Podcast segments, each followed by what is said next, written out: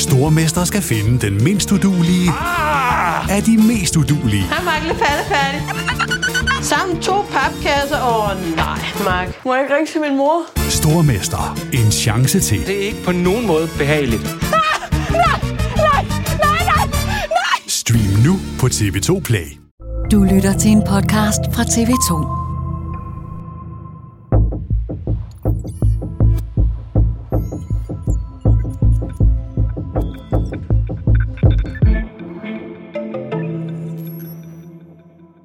Nordjyderne stod i kø, da retten blev sat i morges udenfor. Der åbnede dørene kl. 8.30, og mange måtte faktisk gå uden at få en plads. For interessen i retssagen om drab mod den 37-årige mand, der er tiltalt for voldtægt, drab på den 22-årige sygeplejerske studerende Mia Skadehauke Stævn, er virkelig stor. Det er en sag, der ikke blot har rystet nordjyderne, men hele Danmark. Første retssag, den sluttede for lige præcis en halv time siden, og nu sidder jeg lige her om hjørnet fra retten med vores retskorrespondent øh, Astrid Sønberg og tidligere drabschef i Københavns politi, Jens Møller. Astrid, du sad inde i nævningesalen, og øh, inden vi alle sammen blev ledt ind, der var mange, der stod i kø. Der var også nogen, der var lidt sure over, at de ikke kunne komme ind, for der var begrænsede pladser. Så der var sådan lidt snak ude for. Men når man så kommer indenfor, hvordan vil du beskrive det? Det var tydeligt, at rigtig mange havde ventet i rigtig lang tid på at få nogle af de svar, som brænder på, og der var en meget stor alvorsgrad. Vi fandt også ret hurtigt ud af, at der var pårørende til stede i retssalen, og det giver selvfølgelig også en ekstra alvor, så folk var meget stille og meget lyttende. Jens, du sad med, for der er blevet lavet et lytterum. Det blev der også til Kim Valle, dengang Peter Madsen blev retsforfulgt for det, hvor du var efterforskningsleder. Vi to, vi sad i lytterum. Det er jo første gang, du sådan har siddet og overvejet en retssag som, som sådan ekspert. Hvordan? Hvad, med, hvad bemærkede du? Jamen for mig var det, var det en meget overvældende oplevelse, fordi øh, jeg plejer jo ligesom at have et øh, fingerpeg om, hvad vej det går. Jeg vil øh, vide meget af det, anklageren vil sige, så kan man sige, selve forelæggelsen var jo en helt ny oplevelse. Også i særdeleshed det, at man skal høre den tiltaltes forklaring for første gang, og ikke vide, at han siger. Det var en, øh, en overvældende oplevelse. Og i denne særudgave af Bag forbrydelsen om Mia Skadehauke Stævns retssagen, så vil jeg gerne tale om, hvad der sådan er sket i retten i dag, for der kom faktisk flere nye informationer om efterforskningen frem, og vi hørte jo også første del af den tiltaltes forklaring om, hvad der skete den tidlige morgen i februar sidste år, hvor han samlede hende op i sin bil ved et busstopsted få 100 meter fra Jomfru Anegade, hvor hun havde været i byen med en veninde. Men først fra morgenstunden. Astrid, retten er sat. Prøv at beskrive, hvordan sådan hele setup'et det er i en øh, retssal. Fordi der ikke kunne komme ind, og de, der kunne være ja, nysgerrige efter, hvordan sådan en retshandling finder sted. Jeg tror, i alt er der mere end 60 mennesker til stede i retslokalet, når det er fyldt og sagen kører. Indledningsvis var der plads til 35 almindelige tilhører. 10 forskellige øh, medier havde fået en plads inde i hovedsalen, og vi var alle sammen på plads, da retsmødet skulle begynde klokken 9. Alle havde været igennem sikkerhedstjek, lidt ligesom i lufthavnen. Det skal man i de store retssager i, øh, i Danmark, retssale i Danmark, i hvert fald her i Aalborg. Men retten blev forsinket, og jeg tror, der gik omtrent 10 minutter før nævningen og dommere kommer ind. Og det foregår på den måde, at de tre juridiske dommere kom ind i den ene side af retslokalet, og de seks nævninger og to reservenævninger kom ind i den anden side. Alle rejser sig op, man står op, når de kommer ind. Det er alvorligt, det er dem, der skal dømme, det er dem, der i sidste ende skal vurdere, om øh, den tiltalte er skyldig eller ej. Så der er en meget stor respekt omkring dem. Så bliver nævningen løftet aflagt. Alle nævningen skal love på ære og samvittighed og dømme, og de bliver også vejledt i, at de skal koncentrere sig om det, der sker i retslokalet. Og derefter så øh, forelægges sagen, hmm. når anklageskriftet er læst op, og vi hører, hvordan den tiltalte forholder sig til det hele. Jeg kan faktisk sige, at i lytterummet, selvom vi jo ikke var en del af selve øh, nævningesalen, så skulle vi faktisk også stå op, når dommer og nævninge de kom ind. Retsformand Lars Kunderup, han sagde, det er vigtigt, at sagen bliver behandlet på en ordentlig måde for alle de involverede. Der kan forekomme, sagde han, temaer og udtalelser, som nogen bliver berørt af. Det er ikke tilladt at kommentere som tilhører. Det må man respektere, hvis man vil være til stede i retten. Hvem er den melding rettet imod Astrid? Det vil formentlig være øh, almindelige tilhører, han henviser til her nu, fordi det er en sag, som i meget, meget høj grad har optaget rigtig mange i lokalmiljøet og også mange andre steder. Og vi er ude for sager, også som ikke handler om hårdkogte kriminelle eller den slags, hvor der er udbrud fra tilhørerrækkerne. Der er måske nogen, der sidder og i den milde ende himler og fnyser, når der kommer en forklaring, de ikke er tilfredse med. Men det kan også være deciderede trusler og ting, der bliver øh, sagt meget højt, og det er en måde at sørge for at huske folk på, at det her skal være en værdig retshandling. Det skal ikke være tilhører, der blander sig. Jeg kan faktisk huske under Amagermanden, han fik jo livstid for at have begået flere, to drab og flere voldtægter. Der var en far til en af de forurettede, som da han blev kendt skyldig, simpelthen råbte inde i retssagen, og retsformanden sagde ikke noget. Lige der tror jeg faktisk, at han tillod det på en eller anden måde som pårørende til et offer. Det, der også skete i dag, det var jo også, at forsvarsadvokat Mette Grits Dage, hun kom med sådan en direkte henvendelse til nævninge. Hun sagde således, det er en frygtelig sag. Jeg vil derfor bede nævninge holde særligt for øje, at det, man har afgivet som løfte, er, at man skal dømme efter loven og beviserne i sagen. Man skal lukke alt ude og alene forholde sig til, hvad der bliver fremlagt i retten. Altså sagde hun også, man skal ikke lige lytte efter, hvad ens mand eller partner eller nabo har sagt. Hvorfor er det så vigtigt, Jens? Jamen, det er jo øh, kernen i vores retssystem. Man skal dømmes efter de beviser, der kan fremlægges i retten, og det er det, retten skal forholde sig til.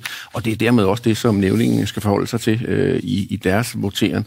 Det er ikke alle de mange, mange artikler, de har læst. Det er ikke de udsendelser, de har set. Det er ikke den snak, der har været til middagsbrugerne rundt omkring i, i landet. Det er det, der bliver fremlagt i retten. Det er det, de skal forholde sig til, og kun det.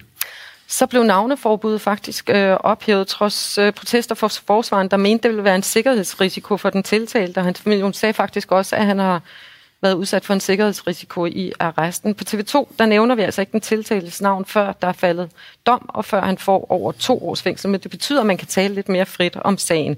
Og så sagde du, efter nævningeløftet, så blev sagen forelagt fra anklageren. Og Jens Møller, nu ved vi mere om, hvad det var, der førte politiet på sporet af den 37-årige mand fra den 6. februar sidste år, 609, og så til han blev anholdt den 9. februar 1120. Hvad var det? Det var, som vi også har hørt tidligere, at der var et, øh, et øh, video fra en, øh, overvågning nede på Vesterbro, hvor man ser, at Mia Skadehavle Stevens stige ind i, i tiltaltes bil, og så kører væk. Og så har politiet så lavet noget efterfølgende øh, efterforskning og fundet ud af, at der er yderligere et, et videoovervågningskamera et andet sted i byen, som har en detaljeringsgrad, hvor man både kan se bilen køre forbi, men også kan se bilens registreringsnummer. Det er så det, man kan arbejde videre på og slå op i registrene og finde ud af, hvem ejer den bil. Og det er det, der fører til, at man kører ud og foretager anholdelsen øh, af ham og begynder så at lave tekniske undersøgelser af bilen. Og det bliver jo rigtig, rigtig vigtigt sidenhen. Du stod jo ude på stedet, hvor hans bogpæl den blev renset i forbindelse med anholdelsen. Og vi ved jo på nuværende tidspunkt, at alene det første døgn fra hun blev meldt efterlyst, der kom 400 henvendelser fra borgerne. Henvendelser, der jo altså, må vi konstatere nu, har været til meget, meget stor hjælp for politiet. Og Jens, du sad live-blogget derinde og skrev kommentarer og så videre, Astrid, men noget af det, som Jens jo har siddet og lyttet efter, det er jo det her polititekniske. Hvad er det, man har er beviser mod manden, og GPS spiller en stor rolle. Fortæl, hvad det var, der blev fremlagt i dag. Jamen, øh, der er en, øh, en øh, indbygget GPS i tiltaltes bil, og den har man så fået adgang til, og det viser sig, at der er en fejl, som det blev beskrevet i dag. Det er sådan så, at tiltalte angiveligt via en app på sin telefon har forsøgt at deaktivere GPS'en, så den ikke skulle vise, hvor han kørte hen på dagen. Og der har man så hos dem, der ligesom varetager alt softwaren i det her, der har man fundet ud af, at, der var en fejl på, så det er alligevel blevet registreret. Så der har politiet kunne rette henvendelse og fået øh, fuldstændig detaljerede oplysninger om bilens øh, kørerute den nat, som det hele det drejer sig om jo. Øh, herunder øh, hastighed kan man regne ud øh, i visse situationer. Man kan regne ud stop, øh, hvor mange stop har der været i de forskellige intervaller osv. Og der har man så en rigtig, rigtig detaljeret øh, færden, som man er nødt til at, og, og, eller den bruger man som, som hovedguideline i forhold til afhøringen af, af den tiltalte. Og det er jo interessant, fordi i virkeligheden så tænker man, at han har alligevel været noget sikkerhedsbevidst. Han har forsøgt at slå det fra manuelt, men så er det lavet sig alligevel. Astrid, du hørte jo hans forklaring, da anklageren går i gang med at udspørge ham. Hvad sagde han lige præcis til den her færden og det der GPS? Men han sagde, at han øh, bare ikke rigtig ville blive forstyrret af GPS'en, og derfor havde han slukket den. Det gjorde han tit. Øh, anklageren prøvede at spørge lidt ind til, om det mest var om aftenen i weekenden, når han kørte rundt i Indre By, men han mente ikke rigtigt, at der var et mønster. Han kunne faktisk heller ikke øh, huske om øh, sådan præcis, hvor meget det var. Men han forklarede meget øh, tydeligt omkring sin app. Det viser sig så, da anklageren læser op fra en tidligere afhøringsrapport. Det må man nemlig gøre, hvis han siger noget andet i den forklaring, han gør i retten. Så må du dokumentere fra det, der tidligere er sagt. Og der sagde han umiddelbart, efter han blev anholdt, anholdt, at han slet ikke vidste, om han havde den der øh, app længere på sin telefon. Så der var i hvert fald nogle ting, der ikke hang sammen. Han forklarede også, at han øh, slukkede sin telefon, og det var fordi, han tidligere havde været ude for, han blev stoppet af politiet, og der var især en særlig politimand, der havde et horn i siden på ham, så han ville ikke have, at politiet skulle stoppe ham for et eller andet og rode i hans telefoner. Anklageren spurgte en del ind til det her, men øh, han fastholdt sine forklaringer, selvom de måske lød lidt mærkelige. Men øh, det er jo det, han siger, og han mener, det er rigtigt. Og, og det var en hændelse, der lå mange år tilbage i 10'erne, som han sagde. Han kunne ikke lige komme ind på nærmere, hvor det var, at han havde mødt den her lidt MC-betjent, der nærmest havde truet ham, eller i hvert fald fortalt ham, at man kunne jo spore hans færden, hvis man kiggede på hans telefon. Og siden da, der havde han så, hver gang han kom til at tænke på det her, så havde han så både slukket sin telefon og deaktiveret sin GPS, fordi han ønskede sådan generelt ikke at blive sporet, når han kørte rundt. Men så du han... siger, at han var sikkerhedsbevidst, men hans forklaring var jo, at han bare ikke rigtig var glad for at blive sporet.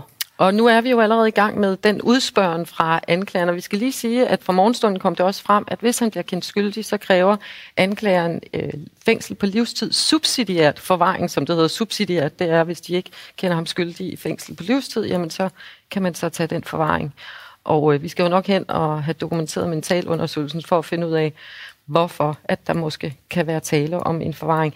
Noget af det, som jo er interessant, når en anklager går i gang, det kan godt være det for sådan nogle retsnørder som os, men hvis vi på en eller anden måde skal formidle over for dem, der ikke er vant til at sidde i en retssag, hvad det er for nogle redskaber, man bruger som anklager. Hvad bemærkede du, Astrid, da anklageren først går i gang med at udspørge ham? Anklagerne plejer at arbejde efter en spørgeteknik, og så kan de have deres forskellige måder at gøre det på. Der er nogen, der prøver at irritere den tiltalte, der er nogen, der prøver at tale den tiltalte varm, og det synes jeg var det, vi oplevede i dag. Øh, hun startede med at stille forholdsvis lukkede spørgsmål, hvor hun bad ham svare på sådan helt overordnede ting. Nå, men hvorfor kørte du egentlig ind til Aalborg den dag, og hvorfor kører du rundt i en 3-4 timer, hvis du egentlig ikke ville noget? Okay, du vil høre stemmen, du vil mærke stemningen, fordi det var lige efter corona-nedlukningerne. Nu og var det der var fest. også nogle meget lukkede spørgsmål, ja. hvor han svarede ja hele tiden. Skulle du ind for ligesom at holde øje med, om der Men var fest det var, i gaden? det var ja. spørgsmål, der var nemme at svare på. Mm-hmm. Det, var ikke, det var ikke kontroversielle spørgsmål. Det var ikke spørgsmål, hvor han som sådan havde noget på spil. Og så begyndte han at svare mere og mere frit. Det er jo sådan, nu er man lidt vant til at tale, nu er man blevet varm. Og, så og hvad med hendes toneleje? Hendes toneleje var meget venligt og lyttende og åbent i begyndelsen. Øh, hun var ikke truende. Hun ville gerne høre hans svar, og hun stillede spørgsmål, han kunne svare på. Og så efterhånden som alvorsgraden øh, bliver mere intens i løbet af dagen, jamen så bliver hendes spørgsmål hårdere. Hun spørger mere ind til de samme ting. Hun gentager og vender tilbage til de ting, hun interesserer sig for. Og til sidst, da vi kommer ind i de meget alvorlige dele, som også ligger meget tæt i forhold til den rejste tiltale, jamen der var hans forklaringer helt utrolig lange og meget, meget, meget detaljerede. Og der var hendes spørgsmål til gengæld meget korte. Hun lod ham tale frit. Og hvordan matcher det andre anklager spørgsmål i de mange retssager? Det, kan der være sådan en måde at gøre det på? Er det her sådan fuldstændig bevidst?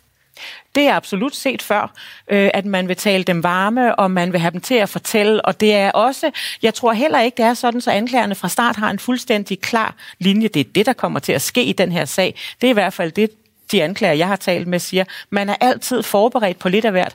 Nogle gange har de en idé om, hvordan den øh, tiltalte reagerer, og så har de forberedt nogle scenarier.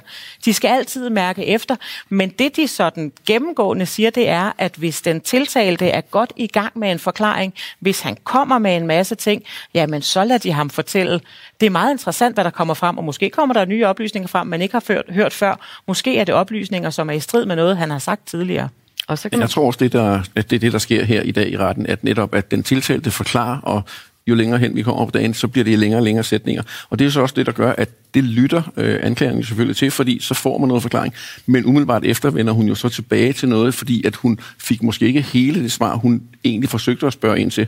Så på den ene side lader hun ham tale, og på den anden side vender hun tilbage til sit oprindelige afhøringstema for at få svar på alle de ting, hun har øh, noteret ned undervejs. Jeg tror, og det er det, tydeligt, hun er meget koncentreret. Man kan se hende. Hun læner sig ind over bordet, og hun bøjer sig frem i retning af den tiltalte. Han kigger også på hende, så de har en meget intens kontakt. Jens, et er, hvordan man så som anklager udspørger, men du er jo ligesom vant til at håndtere politiets tilgang øh, til en anholdt, altså inden han bliver tiltalt, han, hun, og står foran en anklager i en hovedforhandling. Hvordan vil du beskrive den tilgang? Jamen generelt er det jo sådan, at politiet skal jo være objektive i deres efterforskning, og skal også øh, efterforske for, for, øh, for forsvaret. Og det vil sige, at når øh, politifolk anholder en mistænkt, så skal man, selvom det er en meget, meget alvorlig forbrydelse, selvom man synes, man har jaget et monster, skulle jeg til at sige, så skal man magte at ligesom at sætte øh, tiden på time-out, når, når håndjernene de, øh, de lukker sig. Så skal man også lytte til den anholdte, og man skal have en god dialog med den anholdte i de afhøringer, der skal laves. Og man skal selvfølgelig, for ellers får man ikke noget ud af, af en afhøring, så der skal være en god dialog, og man skal også lojalt efterprøve de forklaringer, som den anholdte giver undervejs. Nu ved vi jo, det er en voldsom øh, tiltale mod ham, som handler om voldtægt, som handler om drab og usømmelig behandling af lig. Helt frem til klokken 15, der kom han jo med sin forklaring på, hvad det var, der skete. Det var en meget lang forklaring, gentagende forklaring, men hvis du skal oprise hans forklaring på, hvad det var, der skete, hvad var det så, Estrid? Han har kørt rundt i byen, så ser han en pige lidt efter klokken 6, som står uden overtøj på. Hun ser rigtig kold ud, og han vil gerne være flink, så han stopper og spørger, om han skal køre hende hjem. Det vil hun gerne, så hun sætter sig ind i bilen. Hun tror ikke, det er en taxa. Anklageren spurgte meget ind til, om hun kunne have en fornemmelse af, at hun skulle betale for den her tur. Om det så var en taxa eller en pirattaxa, det bliver ikke nævnt. Men hun sætter sig glad ind til det her gratis lift. Og de har det faktisk ret hyggeligt i tax, eller i bilen. Ja, det er jo ikke en taxa. De har det hyggeligt i hans bil. Øh, hun er bare ikke rigtig i stand til at fortælle, hvor hun skal hen. Hun kan ikke huske, hvor hun bor. Men han prøver at hjælpe, og han øh, hun siger noget, der lyder som om, det kan have noget med noget sport at gøre, så han kører rundt til de steder, som kan forbindes med noget sport, og på den måde, så kommer han godt rundt i området. Øh, de har det stadig rigtig hyggeligt, og øh, de griner lidt, de joker lidt, og på et tidspunkt, så begynder hun også at, at være lidt mere indladende, og han fortæller, hvordan hun lægger hovedet på hans skulder. Hun fortæller om den stemning, der var i bilen, og han gør det igen mere og mere detaljeret, jo længere han kommer i forklaringen. Og han fortæller også, hvordan det på hendes initiativ udvikler sig til noget seksuelt. Øh, hvordan de går ud af bilen og går rundt i skoven. Og der brød øh, anklageren godt nok ind og sagde, jamen hvorfor synes I, det var en god idé at gå rundt i skoven? Hun havde ikke overtøj på, hun havde en top på med bare skuldre. Øh, det var vist omkring 5 grader eller koldere end det. Det var han ikke rigtig klar over, hvorfor. Det, det var sådan, hun ville have det. Så han forklarer hele tiden om den her gode stemning, hvordan det hele er, er rigtig hyggeligt imellem de to. Og så forklarer han også om, hvordan ulykken den skete, som han jo beskriver som en ulykke. Ja, og det var meget intens, og der blev meget stille blandt tilhørende. Folk bevægede sig ikke. Før der kunne man høre, at de måske rykkede sig lidt på stolene. Det holdt op. Han fortalte meget detaljeret, hvordan øh, de ledte efter et sted, hvor de kunne være lidt mere seksuelt sammen, men det var meget koldt. De skulle ikke ligge på jorden. De skulle være åbenbart inde i skoven. Øh, så hun hopper nærmest glad øh, ind mellem nogle træer. Han ser, der ligger noget på jorden, som ligner en bunke blade, måske noget under. Han har ikke lyst til at gå derhen, men det ender i hvert fald med, at ifølge hans forklaring falder hun. Der er noget med en taske, der sidder på en mærkelig måde, og det er noget af den forklaring, som vil komme mere af i morgen, men det er tydeligt, at han lægger op til, at hun faldt og slog hovedet, og det var det, som blev hendes endeligt. Og så bemærkede jeg, at anklageren spurgte til, hvorfor han ikke tilkaldte en ambulance. Det havde han ikke tænkt på. Afhøringen den fortsætter jo altså i morgen, hvor hans forsvar tager over, når anklageren er han forklarer jo rent faktisk i forhold til ambulancen, at han ikke vil gå fra hende. Så det er derfor, han vælger at tage løften op og støtte hende hen på vej mod bilen, fordi der ligger telefonen henne, men han vil ikke gå hen og hente den. Og det er så der, dagens afhøring slutter, og vi tager op igen i morgen. Og Astrid, du har jo sammen med vores kollega live-blogget på tv2.dk hele dagen. Det er der kommet rigtig mange spørgsmål ind om. Du har siddet og svaret på dem faktisk lige inden vi gik i luften. Vi har udvalgt et par stykker, som vi kan svare på sammen her, faktisk alle tre. Line, hun skriver, er Mias forældre og nærmeste pårørende blevet orienteret om det, anklageren nu fortæller om, eller hører de detaljerne for første gang i retssagen? Mine tanker går til familien. Der sidder en bistandsadvokat inde i retssalen, og han repræsenterer faktisk i princippet både den afdøde, men også hendes forældre. Det er hans opgave at fortælle dem, hvad der kommer til at ske. Og i en sag som den her, så tror jeg måske også, at man går lidt længere, men det kan du i hvert fald fortælle om, Jens. Ja, og det er jo meget individuelt, om, om det har været tilfældet her. Det ved jeg simpelthen ikke noget om. Men der er der en mulighed for, at de har fået en, en øh, headline i forhold til, hvad er det, man vil komme ind på. Og det tror jeg, at de i et eller andet omfang er blevet gjort bekendt med. Ja, for det gjorde du selv i forhold til Kim Waller og hendes forældre. Ja, men ja. det er jo også sådan så, at man skal jo være sikker på, at, at de her eventuelle spørgsmål og så videre, eller forklaringer ikke kommer frem. Så, så det er sådan en, en afvejning i den konkrete situation. Apropos de pårørende, de var jo, som du fortalte tidligere, til, til stede i, i retten i dag. Vi er utrolig varsom med sådan at sidde og kigge på dem og også udspørge dem. Og, altså, hvordan vil du beskrive den omgang, hele pressen har i forhold til de her mennesker, som har det rigtig skidt. Indledningsvis var der faktisk en repræsentant fra retten, der stillede sig op foran øh, tilhørerrækkerne, og det er altså også foran presse og almindelige borgere, og sagde, at der er personer til stede her i dag, der ikke ønsker at tale med journalister, der ikke ønsker at blive kontaktet. Og som jeg kunne se, så tror jeg godt, en del af pressen ved, hvem øh, de pårørende var. Jeg så flere, der vendte sig om i den retning, men jeg så ikke nogen, der kontaktede dem. Mit bedste bud er, at vi alle sammen respekterer, at de skal have lov at være i fred. Der er også en kvinde, der faktisk også har stillet et spørgsmål, men hun ønsker at være anonym. Hun siger, som søster til en livstidsdømt rovmorder, var jeg bange for at møde op i retten. Bange for at blive bedømt. Bange for, at folk troede, at jeg støttede min bror eller hans umenneskelige gerner, gerninger. Evner folk at se forskellen?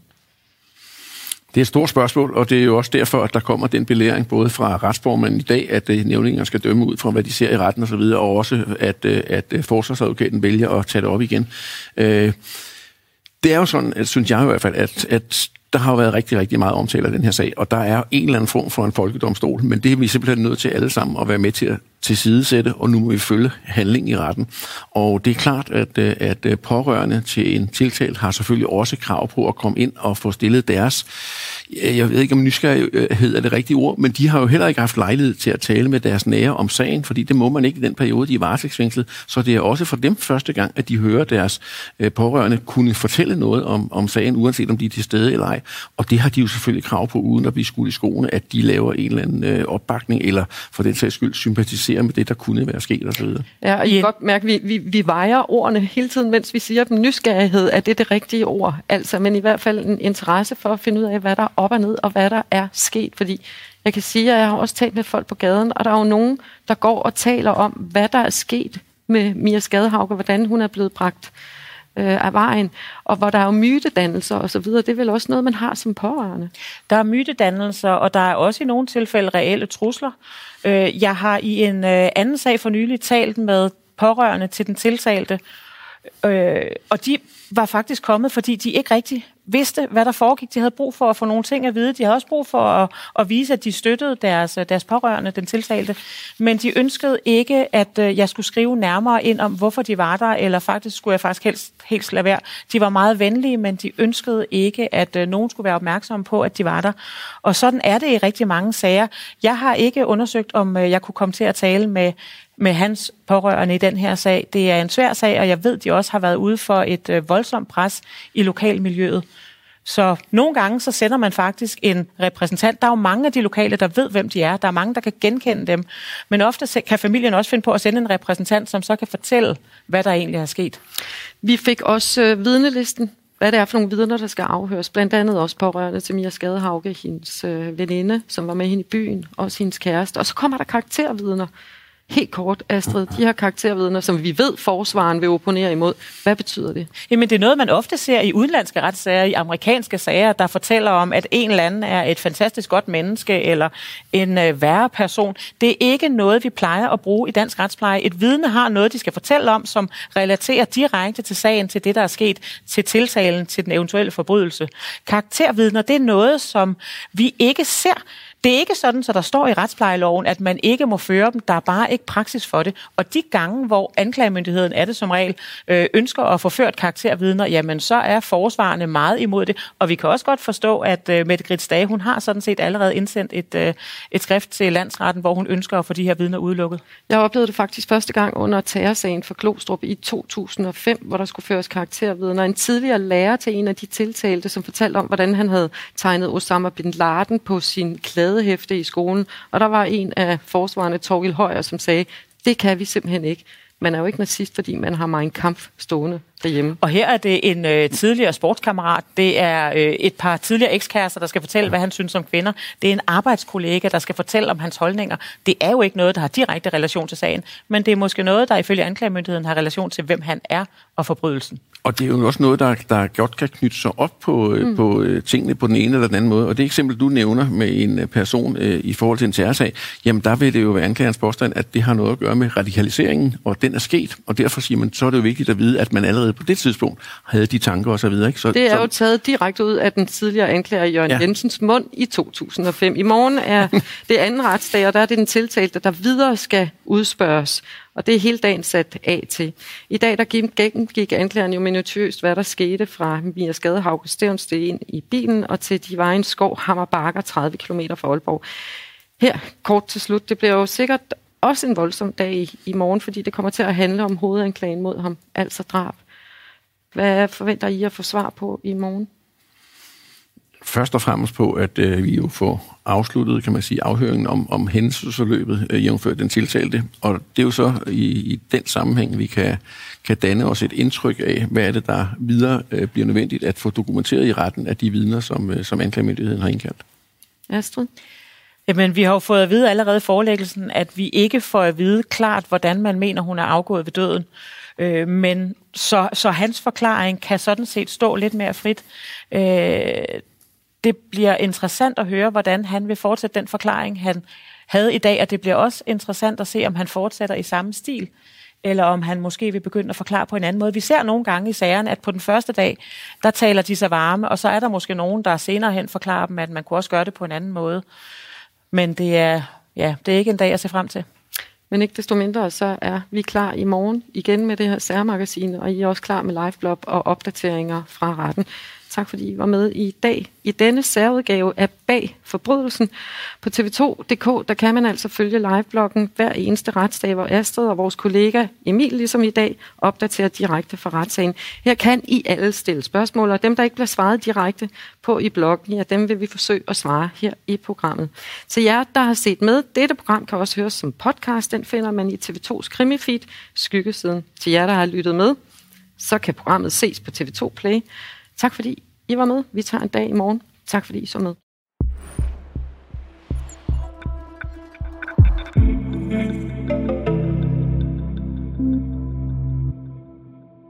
Du har lyttet til en podcast fra TV2.